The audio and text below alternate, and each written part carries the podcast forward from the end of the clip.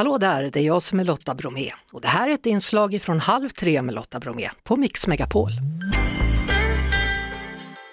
En granskning gjord av researchföretaget Acta Publica visar att över 250 medlemmar i riksdagspartierna som kandiderar till höstens val kan kopplas till högerextremism. Och det är David Vas, grävande journalist på Expressen, som idag publicerar detta. Välkommen hit David! Tack så mycket! Ja, det är närmare bestämt alltså 289 kandidater som gett uttryck för nazism eller rasism. Det är ju ett antal ja. Ja, det är verkligen ett antal och då handlar det inte bara då om, som det brukar sägas, Sverigedemokrater, utan nu är vi över alla partier utom ett. Ja, den här granskningen den eh, har ju då tittat närmare på alla som ställer upp i de olika valen, det är kommun, eh, regioner och riksdagsvalen för alla partier. Och den här siffran det gäller då de som står på listor för riksdagspartierna. Det kanske inte är så konstigt att rent nazistiska partier har nazister som står på, på listorna, så att det är som fokus då på de åtta partierna. Och då visar det sig att det finns då personer med kopplingar till nazism eller högerextremism hos alla riksdagspartier utom Miljöpartiet. Mm.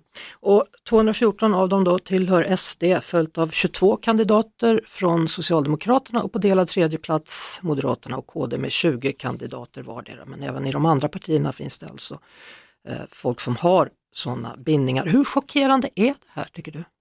Det är ju ändå anmärkningsvärt för att det här handlar ju om antidemokratiska och våldsbejakande Eh, rörelser och då personer som har på olika sätt ska man säga engagerat sig eh, för de här åsikterna i de här rörelserna, att de då eh, söker folkets förtroende i årets val. Men jag tycker också att man kan nyansera de här siffrorna, att det är ju lite skillnad på att ha varit medlem i en nazistisk organisation och som fram till för några år sedan marschera med nazisterna och vara verkligen aktivist, till att man kanske gjorde någonting på 90-talet, att man gick på vit maktkonserter eller var medlem på den tiden eller att man sitter på nätet och skriver hatiska kommentarer på nazistiska mm. sajter mm. eller att man hade ett konto på den då tidigare högerextrema eh, nätforumet nordisk.nu. Så att det, det finns ju som en schattering bland dessa också, det ska man komma ihåg. Vad har responsen varit från partierna själva? Ja, från eh, Sverigedemokraterna, vi har ju eh, i den här publiceringen valt att eh, lyfta fram två fall från Sverigedemokraterna och ett fall från Socialdemokraterna, just för att de är väldigt tydliga och att det handlar om saker som har hänt i närtid. Alltså man kan inte avfärda det bara som historiska uppgifter för de här. Eh, när det gäller Sverigedemokraterna så i ena fallet så har eh, den personen själv valt att eh, lämna partiet och också sina kandidaturer. Jag hade alldeles nyss kontakt med eh, partiet som sa att för den andra personen så ska han utredas eh, men han kommer också strykas från den kommunlistan som han eh, står på. För ehm, fallet i Socialdemokraterna så är det väl kanske något annorlunda eftersom att det här är en person som rent dokumenterat har lämnat nazismen. Eh, han hade fram till hösten 2019, alltså ganska så nyligen, marscherat eh, med nazisterna och också då eh, varit aktivist för dem. Men han har kontaktat avhopparverksamheten Exit och fått hjälp att ändra om sitt liv. Mm. Och det kan man ju också ta reflektera lite över att även fast man då har haft stått bakom antidemokratiska våldsbejakande åsikter så ligger det ju i allas intresse, eller alla demokraters intresse, att folk, sådana personer tänker om och träffar andra beslut. Mm.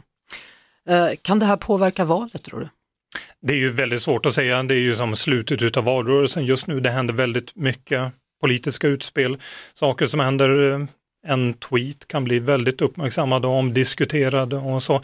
Och, så att det, jag tror att det är väldigt svårt att säga när folk går till vallokalerna för att lägga sina röster så är det nog väldigt mycket som eh, spelar roll. Men ett sånt här avslöjande det går in i en av de mest centrala politiska debatterna som finns i det här landet. Helt enkelt synen på Sverigedemokraterna.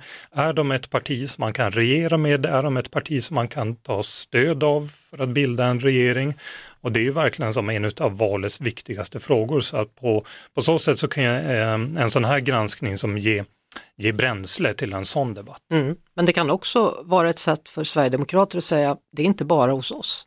Ja, så kan det ju vara. Men det är ju väldigt tydligt i den här rapporten att det är betydligt fler sverigedemokrater än personer från andra partier. Här. Vi hörs såklart på Mix Megapol varje eftermiddag vid halv tre. Ny säsong av Robinson på TV4 Play. Hetta, storm, hunger. Det har hela tiden varit en kamp. Nu är det blod och tårar. Fan händer just. Det. är Detta är inte okej. Robinson 2024, nu fucking kör vi! Streama söndag på TV4 Play.